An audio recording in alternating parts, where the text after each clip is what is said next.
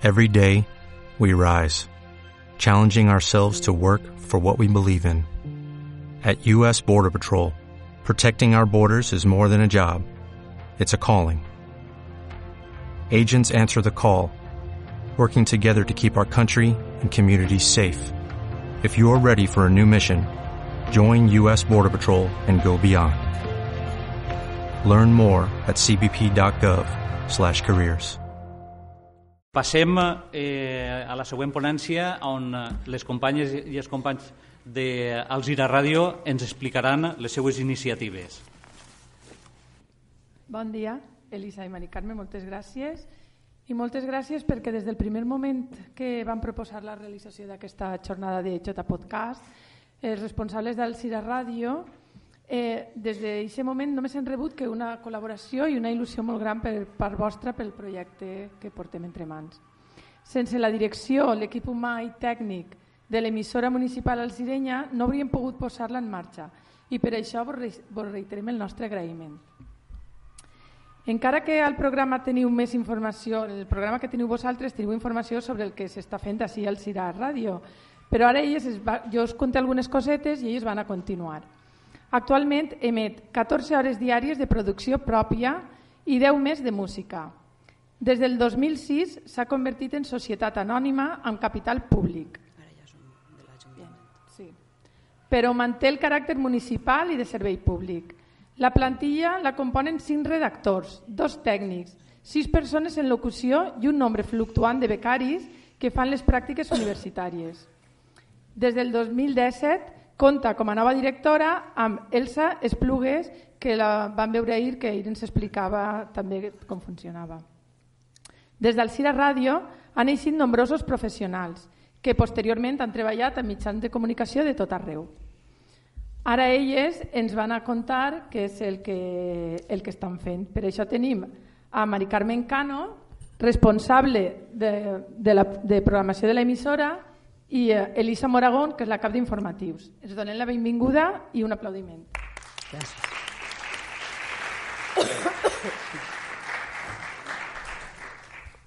Este vaya, no? Este, este, sí, sí.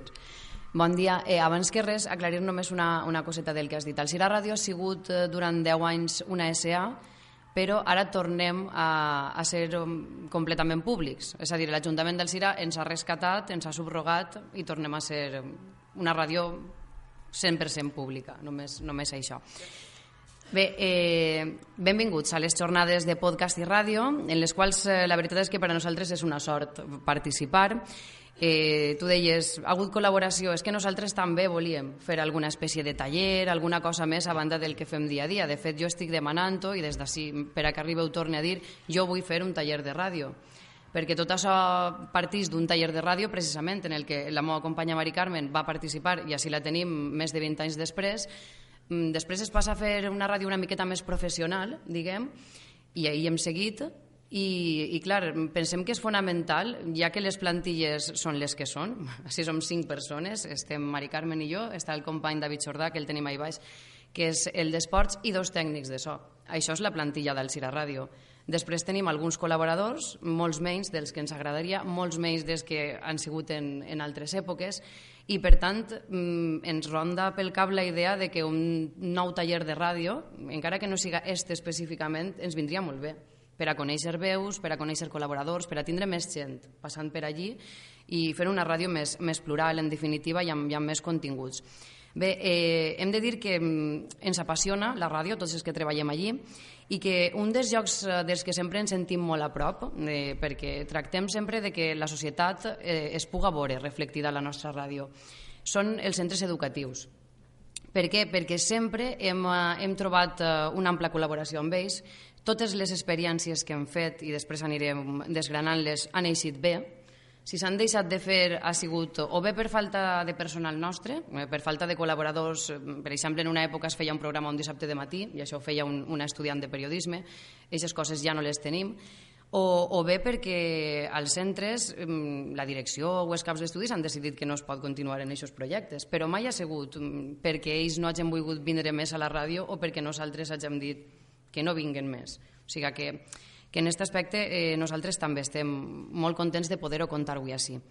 Bé, eh, pensem que a la ràdio tot és possible, eh, que és un mitjà de comunicació que té una màgia especial, on igual podem fer una fotografia sonora com un debat sobre els temes més interessants i que només el que cal fer és adequar el context i deixar fruir tot allò que som a través de les zones.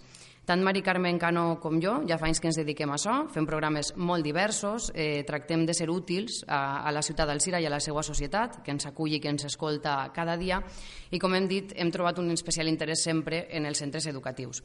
A mi m'agradaria començar presentant-los a la meva companya Mari Carmen Cano. Ella és, com hem dit ja, la locutora més veterana del Cira Ràdio.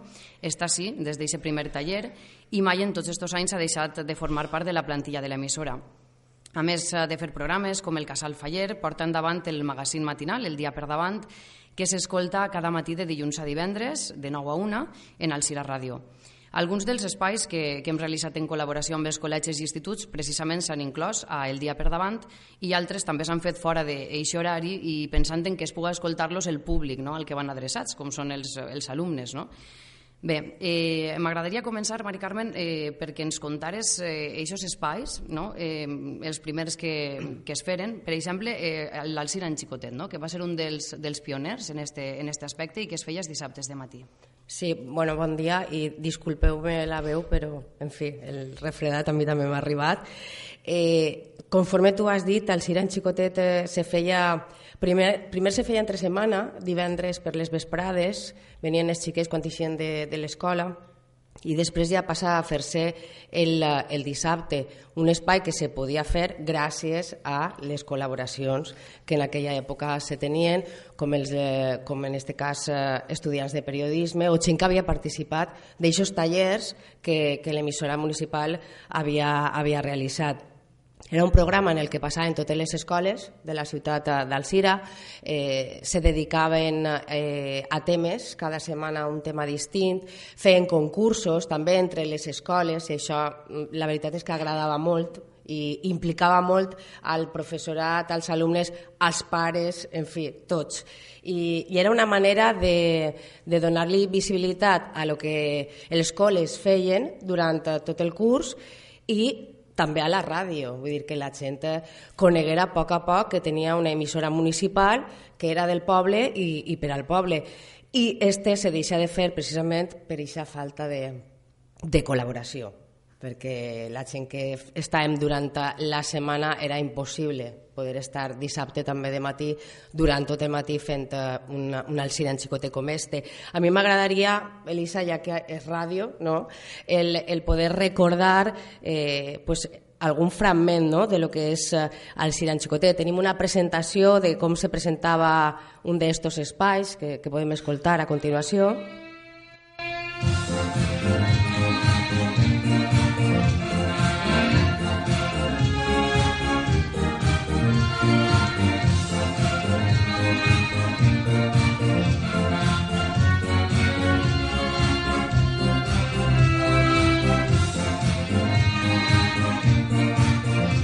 Esta, esta era la sintonia, eh? Un divendres més a ser la sintonia de ser Ràdio 107.9 per a començar una nova edició de la programa que cada setmana vos acompanya i intenta transportar-vos l'actualitat infantil i juvenil de la ciutat de Sira. Este era un dels començaments d'un Alcira en, en Xicotet. Després eh, també hem de dir que Després parlarem d'aquest programa que tenim actualment, però també tenia una secció de, de contes, contes que, que llegien els mateixos eh, xiquets. Tenim també un, un exemple, no? eh, al Siran Xicotet de l'escola al conte, era, era aquest espai. Era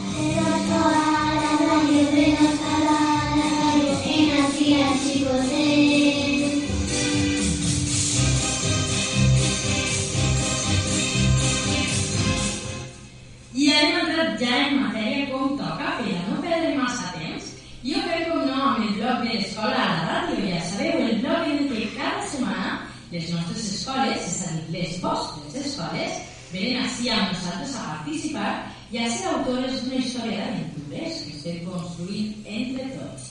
En aquesta història hi han participat molts col·legis, entre ells el Xesmàs, el Lorca, la Puigí, García Sánchez i Lluís Vives, i vull pareu atenció perquè els encarregats d'introduir el seu capítol en aquesta meravellosa història són els nostres amics de l'escola de l'Acadèmia Xuquet que es visiten avui per segona vegada així al programa.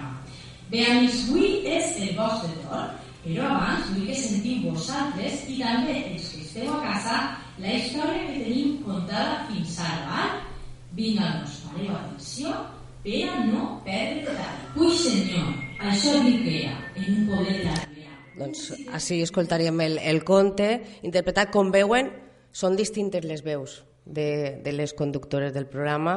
O sigui, va ser un programa que, que va passar eh, per moltes eh, persones i que, com he dit, se va deixar de fer lamentablement per, per falta de, de col·laboració. Uh -huh.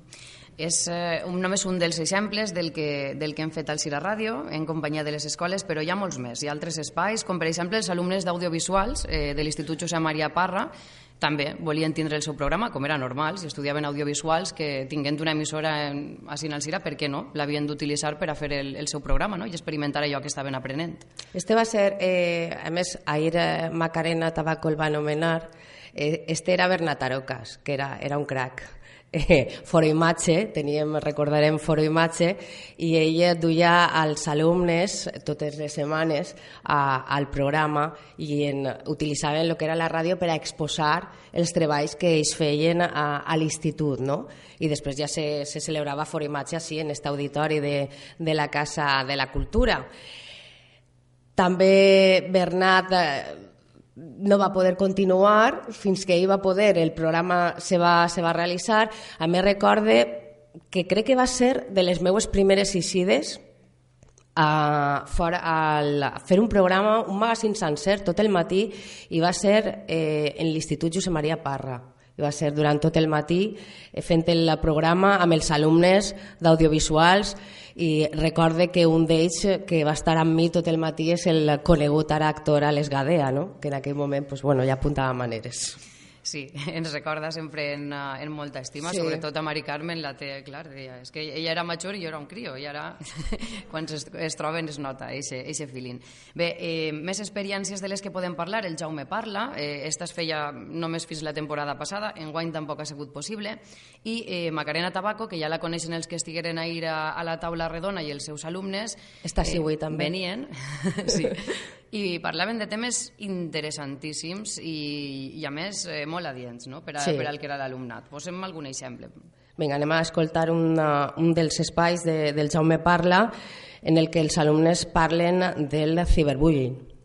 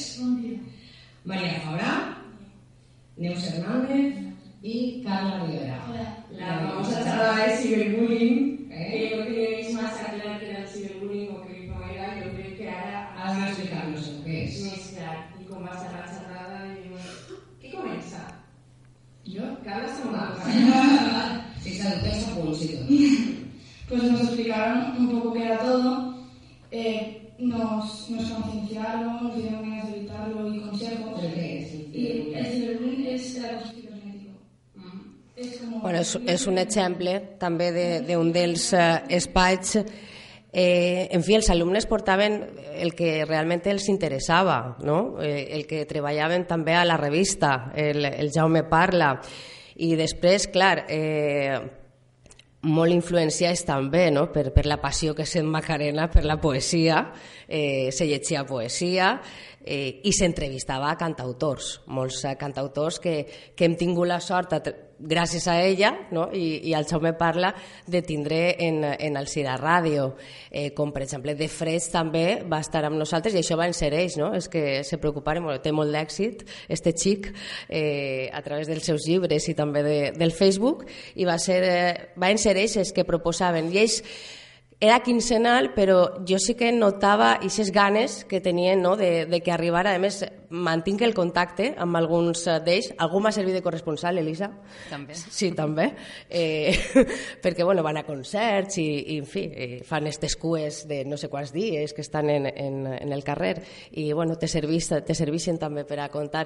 I jo sé que algun que altre s'ha plantejat el tema de, de dedicar-se a la ràdio i a mi això m'agrada. Uh -huh. A banda, a banda d'això, que a mi també m'agrada, perquè pense que és el mitjà de comunicació més, més meravellós, estem parlant d'adolescents, eh? Sí. xiquets i xiquetes de secundària o com a molt eh, de primer o segon de batxiller, i estem parlant de poesia, de, de temes d'actualitat que els interessen i de cantautors. Uh -huh. I que ells mateixa, impulsats per, per una mestra que, que ho viu amb passió, com diu Mari Carmen, que és Macarena Tabaco, ho volen fer i volen entrevistar a Eixe i, i no a Cristiano Ronaldo, com, com dèiem abans. Sí. No? O sigui que, que és possible. Si et poses a fer-ho i si tu transmets això, eh, tot és possible a la ràdio. Jo no sé que ells senten molt el, el no poder continuar amb el programa, igual que, que Macarena.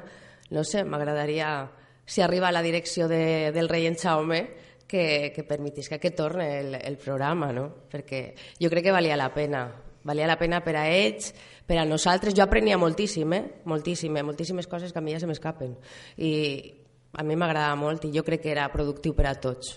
Sí, no sé si tenim algun exemple més d'aquest programa o, o passem al següent. Podíem tindre una, un exemple d'una entrevista a un, a cantautor, Diego Ojeda, que després, a veure, alguns venien a l'estudi del Cira Ràdio, altres evidentment no podia ser i eren atrás de la línia telefònica, però després nosaltres anàvem als seus concerts, perquè clar, venien així al Cira a actuar, que ja s'encarregava Macarena de portar-los, i, i anàvem nosaltres eh, també. I, bueno, era, era, era divertit i, i aprenies. Y por último, el sábado a las 8, eh, en la calle Music Club, el concierto de Bójeda, abierto para todo el público. O sea, que venga toda la antena. Y, y de fuera. Y de fuera. Sí, sí, sí. sí. Hay gente que me ha dicho que viene de fuera. Y de fuera. Mm. Susana, el sábado a las 8. Susana era una tècnica en pràctiques que teníem.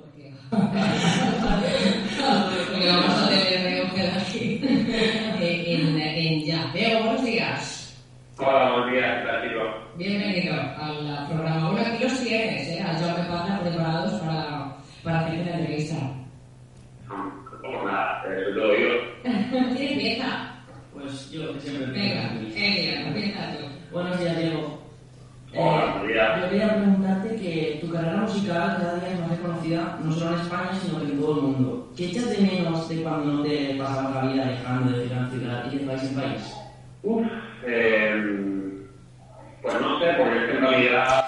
Jo m'agradaria, no, m'imagino que ho noteu, no? Ixa familiaritat que hi ha entre, entre ells, entre els alumnes jovens, com ha dit Elisa, molt jovens. Jo no sé si a aquesta edat jo haver tingut eh, davant de, per exemple, Diego Ojeda, no? que, que l'he d'entrevistar. A millor a mi m'haver impactat més, a ells no. Era com un més d'ells, no? I això ho fa la manera de treballar diàriament en l'aula per part, en este cas, de Macarena Tabaco. Bé, això pel que fa al Jaume Parla, tenim eh, ara eh, el plaer, eh, diria jo, de presentar un programa que sí que s'està fent. Este no, no és que s'ha fet i s'ha deixat de fer, sinó que, que continua en el Sira Ràdio, està en antena i és eh, Cavaller de Cartró, eh, el fa un company vostre, un, un docent, i, i Mari Carmen ens pot explicar. Clar, torna, torna la programació per als eh, xiquets i feta per, per xiquets gràcies, en este cas, a, a Salva Seyens. Ell és eh, mestre i és el que en un moment donat eh, em proposa eh, poder fer este cavaller de cartó. A mi la veritat és que quan m'ho proposa pues, m'il·lusiona perquè me recorda a aquests principis i a més ho comentem ahir a la ràdio, dic, a veure si a poc a poc podem tornar a recuperar eh, eh, la línia que portàvem, no? de, mm, que portava el Cira Ràdio en un principi. I comença el programa precisament en este mes de gener eh, s'ha fet, hem fet un any, s'ha complit un any de, de l'inici d'aquest programa, eh, un programa en el que col·labora Edicions Bromera i en el que cada setmana venen eh, un col·le de Alzira i la comarca, no només eh, toca Alzira, és Alzira i la comarca, i entrevisten també a l'autor del llibre del conte que llegeixen cada setmana. És a dir, comença llegint-se un fragment d'un conte i després va l'entrevista amb l'autor d'eixe conte. La majoria de vegades l'autor he de dir que visita els estudis del Cira Ràdio, ve als estudis per a que estos xiquets facin l'entrevista. Després eh, tenim el cavallet viatger, eh, content eh, anècdotes, eh, este mes de gener hem parlat del porrat de Guadassuar, mira Ximo perquè és de Guadassuar, i hem parlat d'este porrat, que a més fem referència a ell també en el, en el programa, que és un dels tècnics que, que el porta endavant, i parlen també en anglès, vull dir, ahir toquem diversos idiomes. I la veritat és que jo crec que és un programa interessant en el que els xiquets eh, mm, aprenen a llegir o s'introdueixen en el meravellós món de la lectura, entrevisten, són ells que fan les preguntes a, a l'escriptor i en el que s'emporten el llibre signat, que vull que no, això sempre fa molta il·lusió, per l'autor de, del que hem parlat. Un conte que publica també, en aquest cas, el diari Levante cada setmana, o sigui que estem uh, prou, prou persones implicades. Tenim algun exemple, també, si, si, volem, si voleu escoltar d'este cavaller de cartó. Dir també que, igual que ahir comentava la nostra directora Elsa Esplugues, l'any passat se va fer tipus un final de curs en el saló de plenaris de la l'Ajuntament, que això és que no, pues ja eh, agrada als xiquets, estagueren amb els seus mestres, els seus directors, pares, i a tots ells es va regalar un, un CD amb tots els contes de la temporada que havien eh, participat no? d'aquest programa. Però anem a escoltar eh, un, un fragment de, del que és, eh, si no recorde mal, el primer programa d'este mes de gener, que era el que se complia el primer aniversari. Molt bon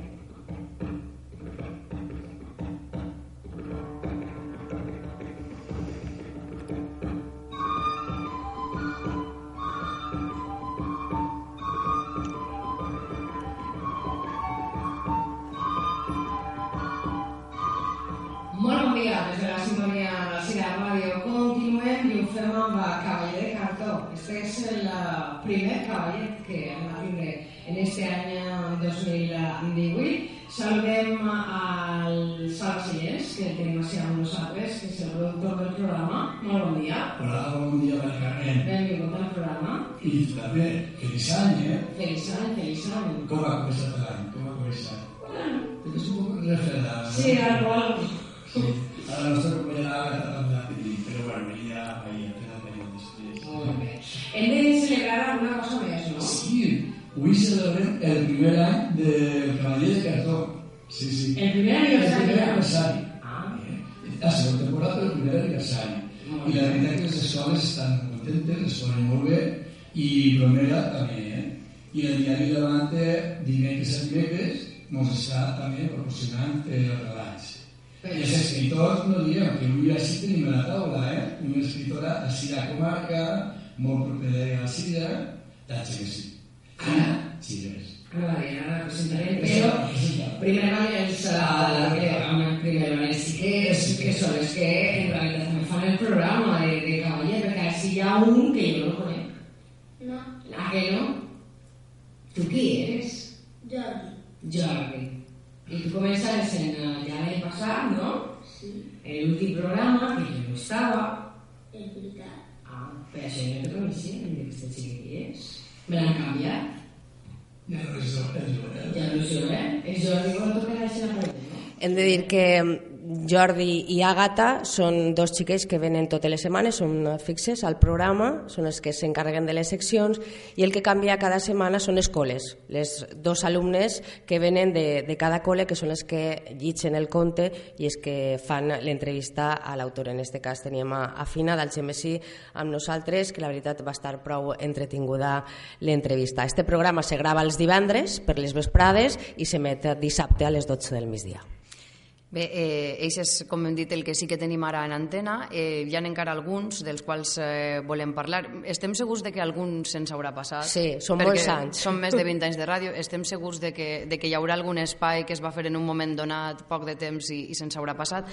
Però els que han tingut una miqueta de continuïtat sí que estan tots així. Ara que dius això, jo recorde fer un programa des d'este mateix auditori quan l'huracan mig per a recaptar fons que a més, eh, a més recaptaren molt, molts diners en aquella època i eh, la majoria de, de públic que teníem eren, eren xiquets, eh? eren els alumnes de les coles I a més recordo una anècdota de vindre un xiquet en la seva vidriola, trencar-la així i donar tot el que ell tenia. Ho dic perquè eren els xiquets els que feren el programa amb nosaltres també aquest dia. Sí, és que quan, eh, quan les coses estan marxant eh, mm, poden, poden passar de tot, no? i poden passar sempre esdeveniments magnífics. Jo recorde també quan va vindre Roberto Tonucci, que, uh -huh. que és este expert en educació a través del clown i de, i de tal, estigué al Cira i en grata companyia de teatre organitzava alguna cosa aquest dia i aquest dia, que crec que han passat per ell les, les fotografies, si no m'equivoque, el Cira en xicotet es va fer des d'ací, des d'on de, des estem. Mm. I l'auditori estava ple de xiquets i de pares i de mestres d'Alcira i estava aquesta persona que és una eminència al món de l'educació i aprofitarem no? pues, el, el poder tindre-la així per, a, per arribar d'una manera més directa a tots.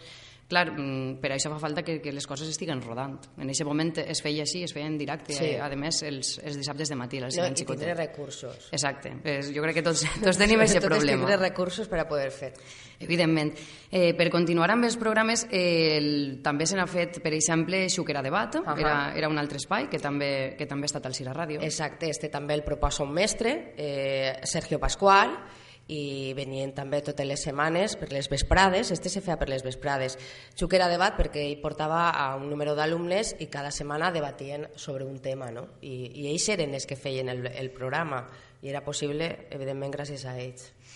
I per anar eh, acabant, un altre que també està, està realitzant-se i, i que ha sigut també gràcies al contacte de, de Mari Carmen Cano amb l'Institut Josep Maria Parra és la veu nocturna del Parra. Són els, aquests alumnes de, de nocturna, que hi ha una miqueta de tot, de gent que treballa, de gent jove, de gent gran, i també venen a la ràdio totes les setmanes. Mm -hmm. La veritat és que ahir Macarena va dir que el Jaume Parla va eixir per casualitat. Sí i no casualitat sí, perquè eh, bueno, ella ve amb una entrevista, com pot vindre qualsevol persona, no? Però jo crec eh, que és més les ganes que tenim tots els que estem en el Cira Ràdio de poder fer totes aquestes coses que t'agarres a lo primer que, que, que te ve, no? En este cas va ser el Jaume Parla i en el Parra va ser igual. Jo vaig tindre la gran sort de que vinguera, vinguera als estudis del Cira Ràdio eh, Blanca Blanco i Sonia Zafón, les tenim així a les dos, a fer una entrevista per a donar a conèixer eh, el Parra, eh, l'institut, però el nocturn, no? Per a que la gent que, que vulgui continuar amb els seus estudis sàpia que té aquesta opció no? de triar el, el nocturn, de la gent que treballa, la gent que s'ha deixat els estudis per qualsevol motiu, els esportistes, els músics, en fi, hi ha aquesta opció i la tenim així en el CIR, a l'Institut Josep Maria Parra, no? totes les vesprades. Jo vaig tindre la sort, perquè a mi també m'han canviat un poc la vida, elles, i hem tingut un programa nou, que és la veu nocturna del Parra. Són els alumnes, també d'audiovisual, que porta Blanca, els que ens visiten cada setmana, els dimarts a les 12 del migdia, i és que també tracten eh, diversos eh, temes.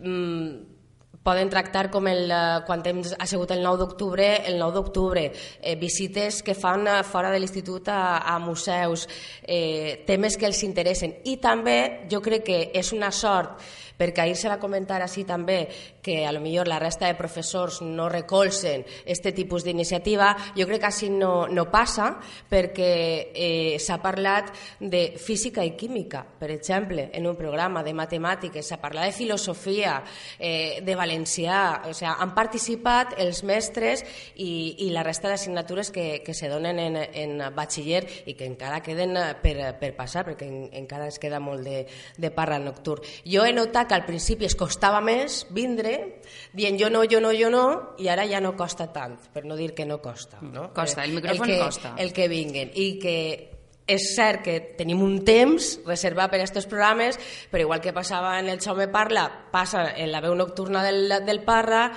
pues que te sols xixir un poc perquè quan te comencen ja la cosa del micro enganxa, no? ja volen quedar-se al programa done fe de que és així cada setmana. Bé, eh, sí que podem escoltar alguna cosa, no?, de la sí, veu nocturna del, de la veu del nocturna Parra. del Parra podem escoltar, eh, per exemple, eh, un, un programa que dedicaren als uh, mitjans de comunicació i jo he triat, evidentment, el, el que parlen de la ràdio.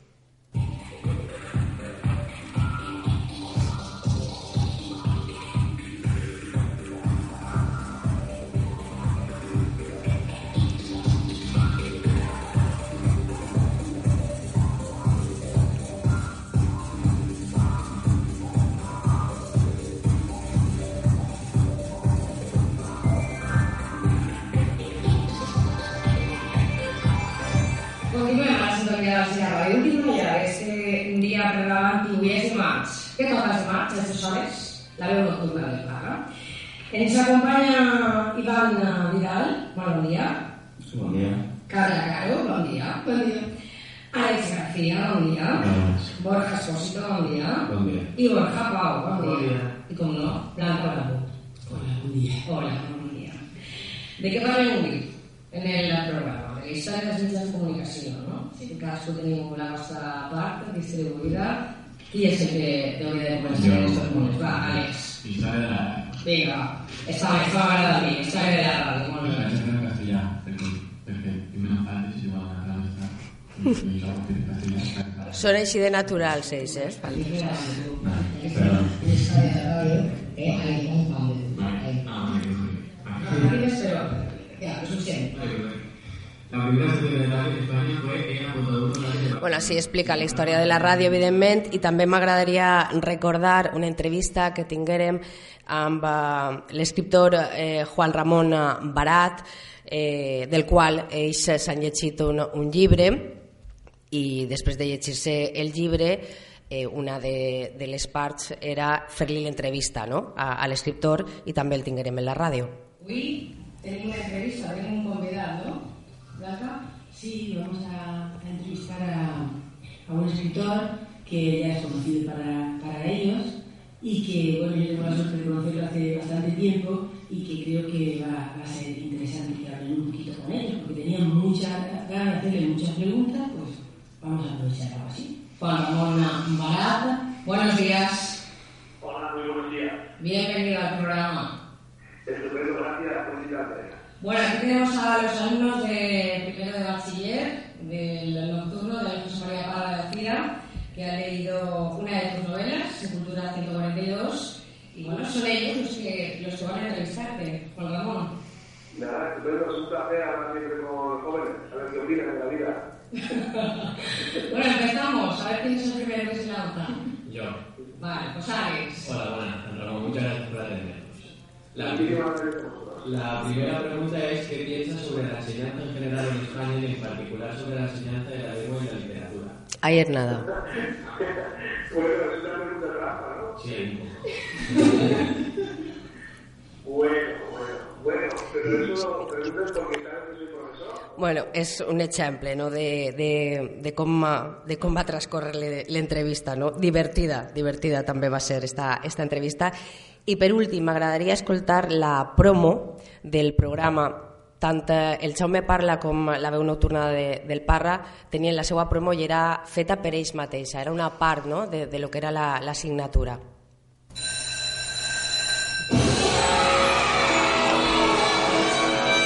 T'agradaria conèixer l'opinió de la gent jove sobre temes de l'actualitat? ¿Más información sobre libros, películas, música y bienes culturales? ¿Podries saber les activitats que fem al Parra? ¿Travellis? Sí, doncs sí, el sol cansat de març el tot del migdia en la veu nocturna del Parra. Sols ràdio. És un exemple. Està fet només per ells, eh? Bé, eh, en, no sé si... Em diuen que queden eh, només 5 minuts, així que anem a ser ja molt, molt, molt breus. Dos minuts, vale. Em diu la directora que dos minuts. Bé, eh, molt ràpidament, si sembla bé mm, que vaig a concloent Sí, sí. ràpidament, eh, volíem dir eh, que també tenim altres programes en els que no participa directament l'escola, però que també són divulgatius i són per a tota la societat. Tenim un programa amb una antena que portem unes 10 temporades o així, Mhm. cada dilluns pel matí, que es diu Parlar per Parlar, i en el qual ve el tècnic del Cerval i fem un programa dedicat a la llengua, on, eh, on parlem d'acudits, on parlem de vocabulari, on, on llegim un, un text i a partir d'aquest text ell ens fa les ressenyes. És una classe, realment. Sí, és eh? com una classe, en, com els que en 20 venen, minuts. Eh, no? Com els, eh, que, els cursos que venen no? per aprendre anglès, per exemple. Això podria ser perfectament un curs per aprendre la nostra llengua, el valencià. Val, no volíem deixar d'anomenar-lo, el conduïssin el nostre company David Jordà, que, que entra justament per la porta, abans l'hem conduït altres, i bé, eh, a mi sols, eh, ahir acabeu parlant de, de desitjos, i jo el desig que tinc és continuar amb, amb això, continuar amb, amb l'escola, que, que vinga gent a la ràdio, que la gent que li agrada fer ràdio es convertisca en col·laboradora, I també li preguntaria a la meva companya quin programa t'agradaria fer amb la comunitat educativa eh, en un futur molt immediat, no, no deixant-ho per, a, per a molt més avant.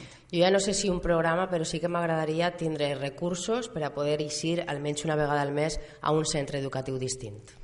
Sí, això és, eh, és cert. De fet, l'actual alcalde d'Alcira ens va demanar això. Ens va demanar que anàrem cada setmana a un col·le i jo li vaig dir, a mi em pareix magnífic. Jo vull, però necessito una persona que es dediqui a això no tinc una persona, pues, hem de continuar així. A mi em fa gràcia quan es cridàveu perquè diuen Elisa és cap d'informatius, ella és cap, és cap de programació i l'altre és cap d'esports. És que som els que som. per això som el nostre propi cap. Som els únics de cada departament en la ràdio. Així que, però així tot ja vegeu que hem fet moltes coses, que es poden fer moltes coses, amb sí. ganes, creant sinergies, buscant a la gent adequada. Així que no sé si queda temps per a preguntes o directament ens n'hem d'anar. Miquel, tu diràs, a mi és que sí que m'havia fer una, una pregunta soles, des del plurilingüisme. Heu dit que eh, un dia eh, es va llegir un conte en, en anglès. Eh, teniu en compte, o l'heu tingut i no ho heu anomenat, les altres llengües familiars que existeixen actualment? Estem en un món multilingüe, multicultural i volem la integració d'aquest alumnat que ve d'altres països que, que és que sempre anem a l'anglès. Uh mhm. -huh. Tenim en compte, per exemple, en algun momentet en aquest cavaller, cavaller de cartró, que algú eh, conte un conte o alguna, alguna part de la família que conten alguna cosa en alguna d'aquestes llengües. Quan farem el Dia Europeu de les Llengües, recorde que, que romanesos, fins i tot que no eren europeus, senegalesos, van, van dir una frase.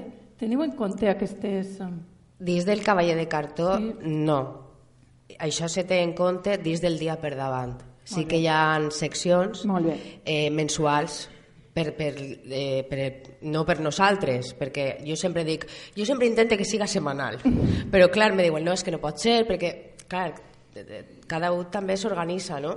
I són mensuals, i venen romanesos, com venen gitanos, com venen eh, eh, africans, venen de molts llocs i sí se parla en, en aquests idiomes i sí que aprenem nosaltres d'ells, de la seva cultura i de les seues tradicions. És un poc una cosa transversal. Venen als programes de salut, venen a, als programes a un espai que es diu Integrat, eh, o sigui, venen un poc a, a diferents espais de la ràdio. Molt bé, moltes gràcies. Alguna? Bé, jo escoltant a les companyes de, del Cira Ràdio eh, enllaçarien part de la intervenció que he tingut abans. Vull dir, nosaltres eh, estem a punt de tancar un conveni en la Federació Valenciana de Municipis i Províncies, que és la que acull en aquests moments la recent creada xarxa d'emissores municipals de la Comunitat Valenciana. Per què? Perquè pensem que és necessari que col·laborem entre els mitjans locals i els mitjans autonòmics que ens creiem que la comunicació va més enllà de l'organisme de qui depenen. No? Si vosaltres heu agarrat el cotxe eh, per vindre a València sí o vindre a qualsevol puesto, haureu agarrat al una autovia que era de titularitat de no sé qui, segurament autonòmica, haureu entrat en una via provincial, després una via local. La comunicació és el mateix. Hem d'intentar que aquest canvi de titularitat en dos notes, si n'hi ha sumes de col·laboracions. Nosaltres ens agradaria que mm, moltes emissores municipals foren eh, un, un, uns ulls nostres i nosaltres servir-los a ells també part de la informació, eh, que ells pogueren fer de corresponsalia i nosaltres al millor cobrir la part més autonòmica de la informació, fer treballs en conjunt, eh, programes en conjunt, esdeveniments en conjunt. Vull dir, en aquest sentit està establerta vies eh, que pensem que cohesionen i que acaben vertebrant molt el que és l'espai comunicatiu a nivell de, de la comunitat valenciana. I jo crec que exemples com el del Cira Ràdio, que ja porten 20 anys eh, en les portes obertes a la comunitat educativa també són un exemple que, que a nosaltres ens fa, ens fa dependre de vosaltres també. No hi ha més preguntes, Lluís Miquel. Sí. tu el que... Si no, si no n'hi ha, hi ha més preguntes, anem ja sobre temps. Eh, ja ho sabeu que les ponències han sigut interessants. Eh, tenim eh, 10 minuts, un quart com a molt, per a començar la següent activitat. És només comentar-vos-ho. A l'entrar vos han repartit eh, tres colors, targetes de colors, i són identificatius de cadascun dels, eh, dels tallers. Sabeu que ara farem, en tan pront tornem al descans, pujarem a la segona planta, els que teniu la targeta verda començareu en l'aula 2, que és eh, on Elisa vos portarà el, en, el talleret de guió radiofònic, Al mateix temps començaran en locució dins d'Alzira Ràdio eh, el grup de la targeta roja i dins també d'Alzira Ràdio eh, el, eh, el tercer grup que començarà amb la targeta blava, que faran la part d'emissió. Als 20 minuts canviarem, els de guió passaran a locució, els de locució passaran a emissió i els d'emissió eh, passaran a guió. D'acord? Enteneu el procediment? Eh, tractarem de ser àgils, fer 20 minutets, que en total és una horeta, i, i després ja baixarem altra vegada així baix i ja enfilarem amb les experiències de centres i aquest podcast que molt, molt amablement eh, des del Gira Ràdio ens han, eh, ens han estat gravant per a cloure, diguem, la, la jornada. Vinga, gràcies, aprofitem estos minutets. Vinga.